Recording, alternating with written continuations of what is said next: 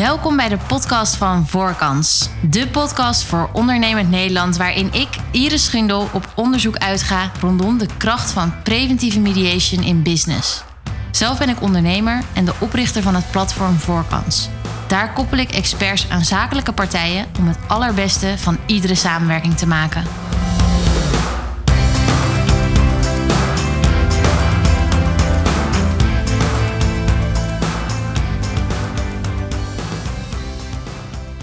Ja, vandaag eh, mag ik hier met jou in gesprek. Marelke, Marelke van der Oort. Jij eh, bent inmiddels alweer 2,5 jaar werkzaam bij het bedrijf Alman.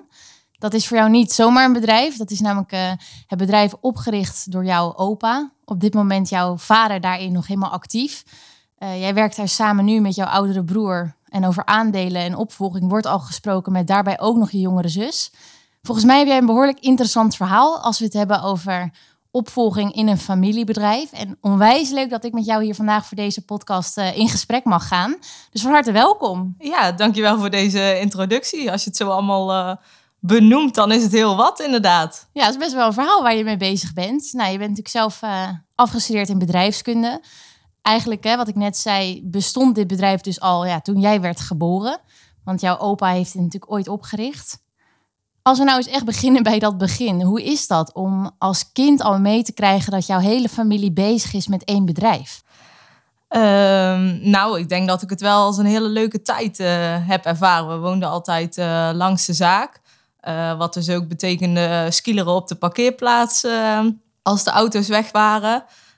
daarnaast zag je wel altijd, je vader was keihard aan het werk. Maar goed, er is een, een passie binnen de familie voor het bedrijf. En uh, ja, daar ga je met z'n allen voor. Ja, dus hoor je meteen al met z'n allen, hè? want dan is natuurlijk iedereen betrokken. Daar wil ik straks echt nog alles over weten. Dat is onwijs interessant. Ik ben natuurlijk uh, zelf ook betrokken bij jullie bedrijf. Want vertel eens, wat is of doet Alman? Uh, Alman is een bedrijf dat verkoopt multifunctionele graafmachines. En het is eigenlijk uh, veel meer dan dat, want het is niet alleen de verkoop van de machines, maar uh, de klant heeft een wens. En wij gaan kijken hoe we die wensen in kunnen vullen, zodat de klant op een uh, zo goed mogelijke manier zijn werk uh, kan doen. Dat betekent heel veel aanpassingen aan de machines. En dat is ook de passie die binnen het bedrijf uh, er is. Om dat ja, weer met z'n allen samen met de monteurs en met de mensen en de kennis in het bedrijf te kijken hoe we die klant zo goed mogelijk kunnen helpen. En dat is wel natuurlijk heel gaaf. Hè? Want ik hoor dan passie, maar ik hoor ook echt monteurs, graafmachines, multifunctioneel, afgestemd helemaal op maat voor de, de wens van de klant. Dat is best wel een technisch verhaal dan als jong meisje skielerend op de parkeerplaats. Hoe, hoe was dat voor jou? Ja, uh, ja, je bent ermee opgegroeid, dus je weet eigenlijk uh, niet beter. Die mannenwereld bevalt me wel. Ja. Ja, want dat is dus wel een mannenwereld, of? Ja, het is wel een mannenwereld. Ja. Gewoon echt technisch, veel in de bouw en... Uh, want vertel eens, je noemde net al het uh, skileren op de parkeerplaats. Iedereen was erbij betrokken, iedereen werkte er hard voor. Je zei, ik zag mijn vader dus wel echt hard werken. Als wij een kijkje zouden hebben in jouw gezin van vroeger, wat zien we dan? Ik denk uh, dat je dan uh, drie hele vrolijke kids uh, zien. Een vader die tussen de middag thuis heel even een kwartiertje binnen was om te komen eten als wij vanuit school thuis waren. Um, klanten die mee aan tafel zaten, ook uh, s'avonds, uh, veel uh, buitenlandse klanten ook. Reuring in het, in het gezin. Ja, ja, inderdaad. En het was wel echt zo, als papa er een dagje was, dan waren we wel echt helemaal uit en helemaal los, zeg maar. Ja, en iedereen dus wel echt betrokken, want jouw moeder die stond ook altijd echt wel als sidekick overal voor klaar. Of hoe ging dat? Ja, ja, dat moet ook wel. Mama die is natuurlijk uh, aan de zijlijn van het familiebedrijf. Uh, maar je moet wel zo iemand aan de zijlijn hebben staan om het ook uh, voor pa mogelijk te maken om, om het bedrijf te runnen. Ja, dus je noemt wel mooi mogelijk maken. Eigenlijk moest alles wel echt ja, voor positieve intentie en potentie gefaciliteerd worden dat dit kon. Ja, ja. En alles ging eigenlijk ja, met focus en aandacht naar dit bedrijf. En dat was dus met mee eten met klanten, dat je je waarschijnlijk netjes moest gedragen. Uh, tot dan had je ook wel veel ervaring en inzicht natuurlijk al meekreeg op heel jonge leeftijd. Wat er gebeurt en wat erbij komt kijken als je zo'n bedrijf runt. Ja, klopt. Er zijn inderdaad wel uh, dingen waar je heel veel van leert. Ja, onwijs leuk. Want had jij dan ook al, want je zegt nou, je ziet drie vrolijke kinderen. Jij bent de, de middelste. Had je dan altijd al zoiets van, nou, dit wordt later van ons? Of hoe gaat dat? Nee, nee, daar was echt helemaal geen bewustwording van. Het was eigenlijk zo, we zijn dus opgegroeid naast het familiebedrijf. En toen ik denk een jaar of tien was, zijn we één kilometer verderop gaan wonen. Waardoor je dus wel afstand creëert tot het bedrijf. Wat denk ik ook heel goed is geweest voor ons alle drie. Na de HAVO ben ik gaan studeren in Eindhoven. Ehm, en daar doe je echt je eigen ding, wat je op die leeftijd denk ik ook nodig hebt om te doen. En toen ik uiteindelijk klaar was uh, met mijn studie, rommelde er wel een heleboel in het bedrijf en was er ook een extern bedrijfskundige aanwezig. En dat was voor mij gewoon de ideale kans om, om op dat moment daarin in te stappen. Ja, dus toen ging dat voor jou ook eigenlijk pas leven van hé, hey, nu zie ik misschien iets waar ik een rol kan vervullen. En toen ben je daarover na gaan denken. Maar je, je zegt wel mooi van nou eigenlijk hebben we letterlijk afstand moeten creëren door een kilometer verderop te gaan wonen. In plaats van echt ja, aangebouwd aan het bedrijf vast je huis te hebben. Om ook letterlijk dus meer afstand en ook figuurlijk te kunnen nemen van het bedrijf. Ja, dat is toen natuurlijk wel op een natuurlijke manier gegaan. Uh, maar dat is uiteindelijk achteraf wel heel goed geweest. Ja, dat was een goede keuze dat er niet uh, eh, 24-7 misschien alles door elkaar heen liep. Ja, ja. En toen ging je studeren, uh, bedrijfskunde. Hoor ik je zeggen, er was toen ook een intern bedrijfskundige in het bedrijf bezig voor het rommelige, wat je noemt. Ja. En toen dacht jij, hm, dat kan ik beter. Nee, nee, nee. Ik dacht zeker niet, dat kan ik beter. Um, nou ja, ik hoorde die verhalen voorbij komen van wat er uh, gaande was. En toen ben ik de, denk ik, ik weet eigenlijk niet meer precies hoe het gegaan is, maar uh, uh, meer bij het bedrijf uh, even binnengelopen en gekeken hoe het, uh, hoe het ging. Toen ben ik ook bij die bedrijfskundige een keer op de koffie geweest en hem eigenlijk helemaal uitgevraagd van wat gebeurt er nou in het bedrijf. En dat is toch een hele andere kijk dan, dan de kijk die je thuis natuurlijk meekrijgt. Wat, wat was daar het verschil dan? Hoe hij daarnaar keek en hoe jullie het er aan de keukentafel over hadden? Nou ja, bij mijn vader ligt de focus vooral op het helpen van de klanten en daarbij de succesjes van de verkopen die geweest zijn. Dus uh, die kant krijg je mee. En bij die bedrijfskundigen, uh, ja, dan kijk je vanuit een hele andere kant van, goh, wat voor dingen kunnen verbeterd worden in de processen? Wat zijn nou iedere verantwoordelijkheden? Waar komt de miscommunicatie vandaan? Ja, dat zijn dingen waar pa eigenlijk gewoon geen kaas van gegeten heeft, dus zich daar ook niet mee bezig kan houden. Ja, en, en wat deed dat dan met jou toen je dat van hem hoorde? Ja, er zijn wel dingen waarvan je denkt van oeh, er, er valt dus nog een heleboel uh, te doen. Ja, dat is natuurlijk wel interessant. Jij bent dus bedrijfskunde zelf gaan studeren. Je kreeg dus zelf ook wat meer inzichten, kennis over dat hele vakgebied. Dan zie je een externe in het familiebedrijf wat je door en door kent. In ieder geval al door het blinde vertrouwen in je eigen ouders die daarover vertellen en al hun passie en aandacht aan uh, besteden. En dan komt er ineens iemand van buitenaf die misschien toch wel even de vinger op de zere plekken legt. Kan ik me zo voorstellen dan kan dat best misschien schrikken zijn of je beeld veranderen. Ja, ja inderdaad, dan verandert je beeld uh, wel. Uh, maar ook wel op een interessante manier. Dat je denkt van, oh, hier is nog zoveel te doen en zoveel uit te halen. En, en daar begint het dan uh, te kriebelen om aan de gang te gaan. Want wat, wat was voor jou het eerste moment dat je toch misschien ja, een, een keer door je hoofd hebt laten schieten van... zou het misschien ooit zo zijn dat ik daar ga werken? Of hoe? Wat was het eerste moment? Ja, dat weet ik eigenlijk niet zo goed, want ik heb daar uh, voorheen nooit super bij stilgestaan. Dus op het moment dat ik aan het afstuderen was, uh, bij Brabantia overigens ook een heel leuk familiebedrijf, um, kon ik daar ook uh, blijven als ik wilde. Maar op dat moment heb ik echt mijn gevoel gevolgd. En dat was toch wel echt voor Alman. En wat was dan dat gevoel? Ja, ik weet niet of je dat zo goed kan omschrijven. Misschien is dat toch wel die passie die je ook verbindt als familie en hetgene wat gewoon als een rode draad al door je leven loopt. Ja, want het was inderdaad eigenlijk altijd al jullie levensverhaal, jullie familiegeschiedenis. Iets opgebouwd, het hele nalatenschap tijdens leven eigenlijk, hè, van je hele gezin. Iedereen daarmee bezig. Jouw broer was toen ook nog aan het studeren.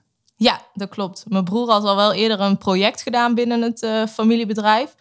Uh, maar dat uh, was uiteindelijk een een, een losse flodder, zeg maar, waar bij mijn vader dacht, oh, als jij er even zus en zo doet, dan komt dat wel goed. Nou, dat bleek dus niet. Ook mijn broer zag dat er ook wel andere dingen moesten veranderen. En die heeft uiteindelijk de keuze gemaakt om dan nog te kiezen om verder te gaan studeren. En na een half jaar dat ik er werkte en hij de verhalen meekreeg En toen die uh, met zijn master bezig was, zijn pre-master had gehaald en dacht van hm, die strategieën van grote bedrijven, is dat wel uh, waar ik per se op zoek naar ben? En begon ook bij hem het familiebedrijf uh, ja, toch de overmacht te nemen, zeg maar. En is die ook een half jaar later in het bedrijf komen werken. Ja, dus je hebt hem toch een beetje weten te overtuigen. Nou ja, ja misschien door, doordat je er met passie over praat en hij die verbinding voelt, dat het vanzelf gaat. Want hoe moet ik dat voor me zien? De eerste dag dat jij dus tijdens je afstuderen hè, bij een ander bedrijf, voelde je toch die passie van, nou, dit is wel echt ja, het verhaal en uh, het hele stuk van mijn familie. Dat, dat gevoel was gewoon echt ineens heel sterk aanwezig bij jou. Jij koos ervoor om bij allemaal aan de slag te gaan. Hoe ging die eerste dag? Ik weet eigenlijk niet of ik de eerste dag nog kan herinneren. Maar ik weet wel, twee maanden voordat ik uh, zou beginnen, hadden we een, een vergadering uh, gepland. Waarbij iedereen in de kantine zat. En waar er het een en ander verteld werd over die externe bedrijfskundige. Waar die mee bezig was, wat zijn conclusies waren en waar we aan gingen werken. En daarbij werd ik ook geïntroduceerd. En ik was natuurlijk net afgestudeerd met een dikke negen. Dus volle energie uh, ging ik erin. En dat was toen ook wel uh, daar te merken. Ja, dat was gewoon een heel gaaf moment. Ja, heel cool. En, en ook wat je dan net schetst van nou, het gaf wel een ander beeld. Ik ging hem even het hemd van het lijf vragen. Maar dan is ook nog eens zo'n vergadering waar je ook zelf best wel gelijk goed gepositioneerd mee kan praten. Ja, ja. Hartstikke leuk. En toen was je dus een half jaar daar, daar werkzaam. Welke rol of in wat voor soort vorm was jij toen eigenlijk in dienst? Um, nou ja, ik werd, uh, werd aangenomen waarbij ze zeiden van... Uh, Marel, ik denk dat jij wel uh, goed bent in personeelszaken. Dus dat zijn de dingen die je op kan pakken. En daarbij heb ik dus ook samen met de collega heel veel van geleerd... en gekeken hoe ik dingen aan kon pakken. Uiteindelijk vorm je er ook je eigen manier in. Ben bezig geweest met, met verbeterteams... Dus dat is echt letterlijk samen met de monteurs kijken in de werkplaats hoe dingen beter ingericht kunnen worden hoe we efficiënter kunnen werken. Dus dat was ook wel heel fijn, want daarmee ben je eigenlijk bezig met ehm, ja, een, een werkomgeving fijner maken voor je collega's. Ehm, en vanuit daar is er van alles bijgekomen en, en uh, ja, doe je eigenlijk alles wat er moet gebeuren. En dit is wel mega interessant, hè? Wat ik zie qua begeleiding van familiebedrijven, maar ook omdat ik me bezig ga met generatieverschillen. Dan hoor ik jou zeggen, ik kom uit mijn studie een half jaar hier in dienst en ik ja, ben bezig gegaan met verbeterteams. Dat is natuurlijk heel gaaf dat je ergens en vanuit misschien dat gesprek met die extern bedrijfskundige zag van hé, hey, er speelt meer dan mijn vader misschien laat lijken aan de keukentafel met zijn focus op de klant. Uh, met ook nog je eigen kennis en expertise inmiddels erbij dat je toch wel de behoefte dus voelt om dingen te veranderen, te verbeteren, aan te pakken daar best snel. Ja, ja misschien is dat ook wel de generatie waar je bij hoort. Ja. Ja, en dat is natuurlijk wel, want hoe wordt daar dan op gereageerd? Want er zitten mensen die zijn daar in dienst langer dan uh, jij misschien bestaat. Hoe wordt dat dan ontvangen? Uh, nou ja, het is wel natuurlijk zo dat, dat ze de problemen die er waren, die werden wel uh, erkend. Maar je merkt wel heel veel wrijving inderdaad als het gaat om, om veranderingen. Zo hebben we ook de, de tafels stonden eerst eh, los in de kantine. Die hebben we als twee lange tafels uh, aan elkaar gezet. Ik heb mijn broer samen. En op het begin dan zit iedereen een beetje te brommen in de kantine. En anderen vinden het ook wel, uh, wel heel leuk. En nou, als je twee jaar later kijkt, zou je echt niet meer willen dat ze anders stonden, zeg maar. Ja, dat is natuurlijk heel gaaf. Dat je echt gewoon een beetje experimentjes hebt gedaan om reuring te creëren. Maar dus ook wel echt aan die organisatiecultuur te werken. Want dat is wat je doet met iets simpels als de tafels in de kantine anders neerzetten. Ja, ja. ja want jouw broer kwam er dus ook werken. Ik ben natuurlijk heel benieuwd naar hoe werkt dat nou, samenwerken hè, met familie. Uh, wat moet je dan goed regelen? Wat maakt dat misschien makkelijker of juist moeilijker? Hoe was dat om samen met je broer echt ineens als collega's op te trekken in het begin? Uh, ik denk dat het mij en mijn broer wel veel closer heeft gemaakt. Want uh, uiteindelijk was ik toch zijn, uh, zijn kleine zusje en hadden we allebei ons eigen leven, zeg maar. En nu zie je ook van elkaar in van wat zijn de talenten, wat zijn de dingen waar je samen echt voor wil gaan, wat je gewoon veel dichter bij elkaar brengt. Ja. Je leert elkaar heel anders kennen dan broer en zus. Want dat is natuurlijk wel ook de uitdaging, dat je elkaar heel goed kent als broer en als zus. Nog niet als collega's, maar doordat je elkaar leert kennen als collega's, elkaar dus ook, zeg jij nu, beter leert kennen weer als broer en zus. Ja. Hoe was het om echt met, met familie, hè? want nou, met je broer was het dus, nou, we werden eigenlijk closer, zeg je. Dus als broer, zus, als collega's, die klik was er eigenlijk. En ook wel misschien allebei vanuit studie, hè? dat is toch een andere manier al van samenwerken die je daar misschien gewend bent. Maar je vader, die werkte daar al jaren, tientallen jaren. En die had het overgenomen van zijn vader. En ineens komen er twee kinderen van hem in het bedrijf, wat niet eerder was besproken. Hoe ging dat? Ja, ik denk dat je vanuit het begin ook wel veel, want je kent je vader natuurlijk ook goed, maar je leert hem dus ook weer op een andere manier uh, kennen. En dat je ook veel vragen hebt aan je vader, dingen met hem samen wil doen, op het begin vooral. En uiteindelijk, ja, door ervaring op te doen en, en de tijd die voorbij gaat, zeg maar, uh, zie je uh, bepaalde patronen ontstaan. Dat je zit te wachten op, op dingen van je vader, terwijl dat uiteindelijk toch ook wel anders moet kunnen. En dan kunnen er ook kleine irritaties ontstaan onderling. En toen is het eigenlijk zo gekomen dat mijn broer zei van... Uh, Marel, volgens mij moeten we hier iets mee. En die benaderde een vriend van hem. En die zei van... nou, ik denk dat je dan Iris moet bellen. En vanuit daar zijn we eigenlijk in contact gekomen met jou. En, en sinds die tijd is er wel echt veel veranderd. Ja, en dat was helemaal eigenlijk vanaf het begin. Hè? Want dat is inmiddels ook bijna anderhalf jaar geleden. Dus, dus jullie echt met z'n tweeën helemaal fulltime uh, voor het bedrijf gingen. Jongere zusje nog ja, aan het afstuderen natuurlijk. Dus die komt nog later. En daar zijn natuurlijk wel heel veel gesprekken toen gevoerd in het begin ook. Van wat is nou eigenlijk van jullie alle drie afhankelijk van, onafhankelijk van elkaar. Jullie visie en jullie kijk op die organisatie. En wat je voor verwachting ook hebt van elkaar. Ja, ja en daarin uh, is uiteindelijk wel echt naar boven komen dat we naar elkaar hebben uitgesproken van de grootste angst van ons drieën was wel dat we ruzie zouden krijgen, zeg maar. Omdat je uh, meerdere voorbeelden hebt gezien van uh, families en broers en zussen die dan met elkaar samen gaan werken. Ze zeggen meestal toch, nou ja, de derde generatie, de eerste en de tweede bouwt het op en de derde breekt het af. En daarin hebben we wel uitgesproken dat dat de grootste angst was. En door dat uit te spreken en met elkaar uh, over te hebben, ja, ik weet niet, dat, dat brengt een soort magie of zo. Magie, kijk, dat is wel leuk om te horen. Wat doet dat met jou? Want die druk is het, horen we wel vaker, hè? de derde generatie. Daar ligt bewust en onbewust meer druk op bij opvolging in familiebedrijven. Wat doet dat met jou? Nou ja, het is natuurlijk iets waar je super trots op bent, het familiebedrijf. En, en je wil dat gewoon voortzetten. En als er dan uh, een uh, stemmetje in je achterhoofd zegt van... Uh, maar wat als jullie ruzie krijgen om dat familiebedrijf ja, er zijn natuurlijk wel dingen die je aan het denken zetten. Ja, en, en daar was die grootste angst, hè, wat je zei, die is naar elkaar uitgesproken. Maar ook van de buitenwereld, de voorbeelden die je hebt gezien waar het misschien mis is gegaan.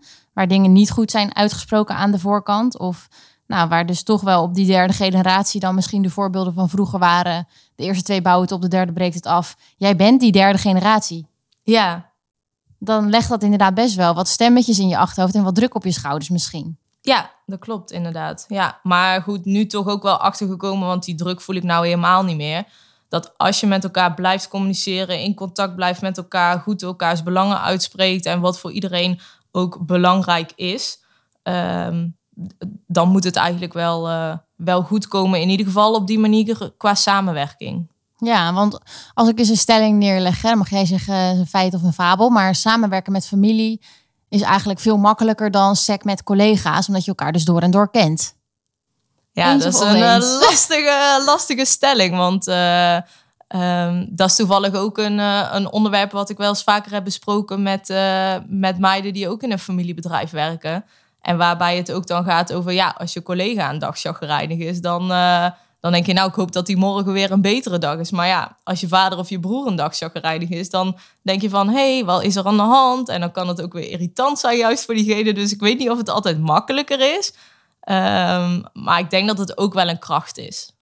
Ja, precies. Het is een kracht dat je elkaar misschien net iets sneller begrijpt. Of juist al eerder signaleert als iemand echt zijn dag of zijn week of zijn maand niet heeft. Uh, maar dat dat tegelijkertijd ook inderdaad de valkuil is dat je elkaar zo goed kent en het ook meegaat naar privé en je op een andere manier ook zorgen kan gaan maken over elkaar. En uh, ja, dingen ook van vroeger misschien al opgestapeld zijn in een soort systeem of patroon wat je met elkaar natuurlijk hebt, waar je dan zakelijk ook nog mee moet dealen. Dus als je een uh, discussie hebt van uh, het dinertje gisteren bij jou thuis, maar s ochtends gewoon weer voor een vergadering moet schakelen omdat je daar als mede-aandeelhouder zit met elkaar Dat zijn dan natuurlijk wel even extra uitdagingen die je als collega's niet hebt. Ja, ja, klopt. Nou ja, gelukkig hebben we niet echt veel eh, discussies bij, de, bij het dinertje. Maar uh, er zijn inderdaad wel patronen vanuit oudsher die, uh, die ontstaan zijn. En dat is ook wel grappig, want door in gesprek te gaan met jou zie je ook die patronen. En als je die dan zo open en bloot op tafel legt, dan is het ook allemaal heel logisch waarom dingen gebeuren. En als je hem dan weer aanvoelt komen dat je, dat je broer loopt te stoken tussen jij en je zus. En je zus die uh, hapt tegen jou, waarbij je het natuurlijk al voelt dat je dat helemaal niet fijn vindt. Maar als je dan een paar keer patroontje, patroontje roept en dan is iedereen bewust van, oh ja, oh ja, we zitten weer in het, uh, dit is niet fijn. Ja. Dus dan ben je weer even allemaal, uh, allemaal erbij of zo. En dan is het ook weer goed, dan kan je erom lachen. Ja, dat is natuurlijk ook het coole. Hè? Dat hoe meer je er bewust van, met, van bent met elkaar. En het dus gewoon met een soort codewoord soms even luchtig kan maken. Ja, dan begrijp je het dus, maar begrijp je ook elkaar. En dat is natuurlijk heel vaak lastig in familie waar je ook mee samenwerkt. Dat je elkaar wel begrijpt als persoon, maar nog niet helemaal als professional. Laat staan ook nog als aandeelhouder. Je hebt natuurlijk heel veel verschillende petten op en rollen. Dat je, als je daar inderdaad met elkaar over in gesprek blijft en dus heel bewust van bent wat voor patronen er zijn en je dat dan af en toe even roept of elkaar weer even scherp maakt op wat er gebeurt en waarom. Ja, dan kan je dus eigenlijk veel meer weer hebben van elkaar juist. Ja. Ja, want wat is jouw visie op al die verschillende rollen? Want je bent dus en dochter en zus en collega en aandeelhouder. Uh, hoe, hoe, zie jij dat? Nou, nog geen aandeelhouder. Wellicht toekomstig. maar als je nog even je best doet. Ja, ja. Nou ja, die, die rollen lopen eigenlijk allemaal wel door elkaar heen. Dus, dus je kan niet echt zetten, zeggen van nu zit ik in deze rol of nu zit ik in een andere rol.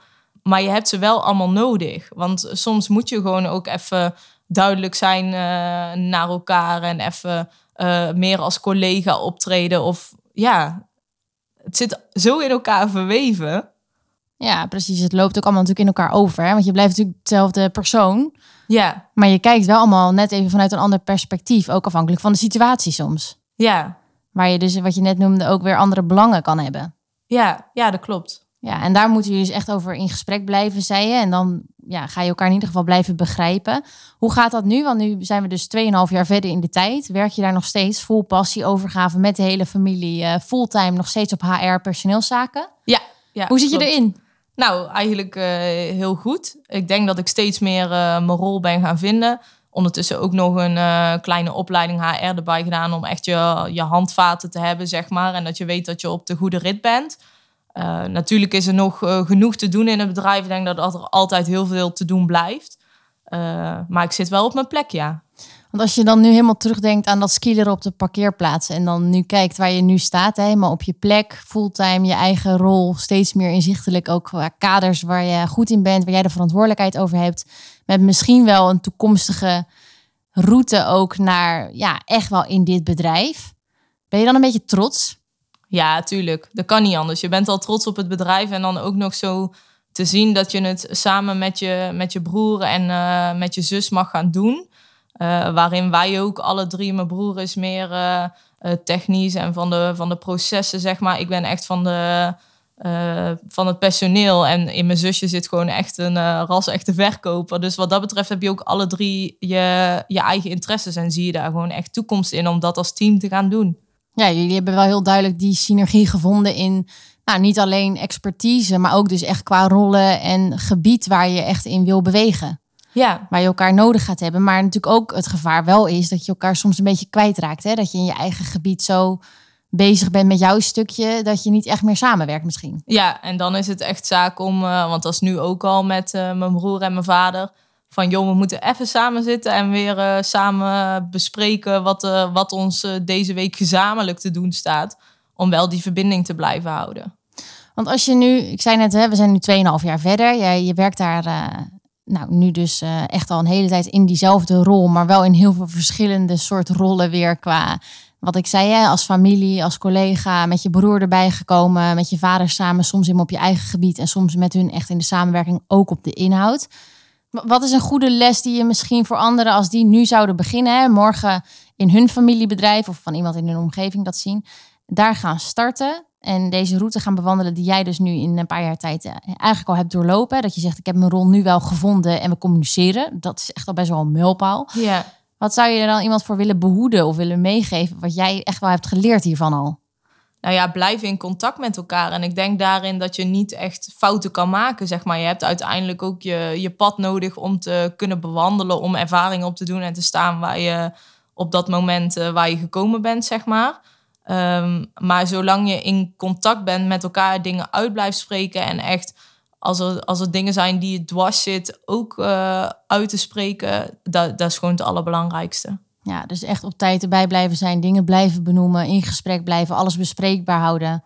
Ja, en luisteren, vragen stellen. Ook al is het je broer, denk je dat je wel weet hoe hij zich voelt, zeg maar. Uh, ja, soms is dat helemaal niet zo. Dus uh, we proberen gewoon uh, te blijven ja, dus luisteren. niet invullen. Ja, ja, ja. Want dat is natuurlijk inderdaad precies het lastige als je elkaar goed kent. Dat je denkt, oh, dat zegt hij natuurlijk weer omdat. Ja. Terwijl het misschien soms, ja, die ontwikkelt zich ook weer. Ja, tuurlijk. Ja. Ja, dus het kan ook weer helemaal anders zijn. Dus zeg jij, je moet ook echt vragen blijven stellen aan elkaar. Juist als je elkaar goed kent, om elkaar te blijven begrijpen. Ja.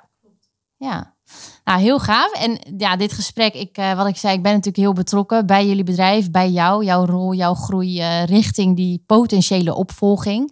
Wat natuurlijk heel gaaf is met hoe je je bezighoudt met uh, alles van het personeel, ook wel echt organisatiecultuur en visie hebt op die toekomst. Vanuit de nieuwe generatie, dat samen met je broer echt fantastisch aan het oppakken bent. Jullie vader af en toe een beetje moeten meesleuren, maar ook zoveel van hem kunnen leren. Want dat is wel mijn laatste vraag, die verbinding tussen jullie nu wat ik zei, hè, jullie zusje komt daar natuurlijk ook uh, uh, nog bij. Maar het is natuurlijk wel heel gaaf waar jij bent begonnen met verbeterteams. En uh, ja, eigenlijk gewoon zonder enige twijfel in gesprek ging met de extern bedrijfskundige vanuit jouw studie. Met nou, vertel dan maar wat je hier allemaal hebt geconstateerd. Met draagvlak van het personeel daar die verbeterteams bent gaan opzetten. Best wel reuring hebt gecreëerd. Je vader dus best wel met focus op klanten zijn stukje heeft. Waar zit dan nu wel echt de verbinding? Want die zie ik natuurlijk ook, waar hij de kennis en de ervaring heeft van het bedrijf. En jullie misschien echt wel de vernieuwing, uh, de andere aanpak, de innovatie weer met je meebrengt. Waar zit die verbinding nog als, als mooie afsluiter? Nou ja, het bedrijf is niet voor niks gekomen waar het nu is. Dus er zijn altijd heel veel dingen die je van elkaar kan leren. En daar gaat twee kanten op. En, en daar is die verbinding. Je hebt nieuwe ideeën. En door uh, gewoon dat idee te gaan doen, daar schiet je natuurlijk niks mee op. Maar door het daar samen over te hebben en te, te leren uit de oude lessen van je vader, zeg maar. En uh, de wijze opmerkingen die hij daarbij maakt. Ja, dat is uiteindelijk wel wat, het, uh, wat de verbinding is tussen die twee. Ja, dus echt met elkaar ook uh, die combinatie blijven maken, elkaar blijven begrijpen, vragen blijven stellen. Af en toe even geforceerd aan die vergadertafel gaan zitten en niet altijd aan de keukentafel, want daar mag je ook gewoon weer lekker dochter en vader zijn. Ja, zeker. En uh, ja, ik vind het onwijs gaaf om betrokken te mogen zijn bij jullie hele avontuur hierin. En uh, een bedrijf echt gedreven door techniek met passie voor de multifunctionaliteit voor iedere soort klant en ieder soort werk. Ik uh, denk dat je daardoor al, uh, al je, jullie mensen heel goed bij elkaar houdt. Maar dat jij het ook uh, ja, echt perfect hebt gevonden en gedaan in de rol die je nu hebt. En er gaan alleen nog maar meer mooie dingen komen. Ja, dat is te hopen. Ja, we gaan ervoor. Nou, heel veel Zeker. dank ook voor al jouw input hier in dit verhaal. Dat je dat met ons wilde delen. Ja, graag gedaan. En wie weet tot de volgende keer. Hè? Want we blijven je natuurlijk volgen zo in deze podcast. Ja, zou leuk zijn. Dankjewel.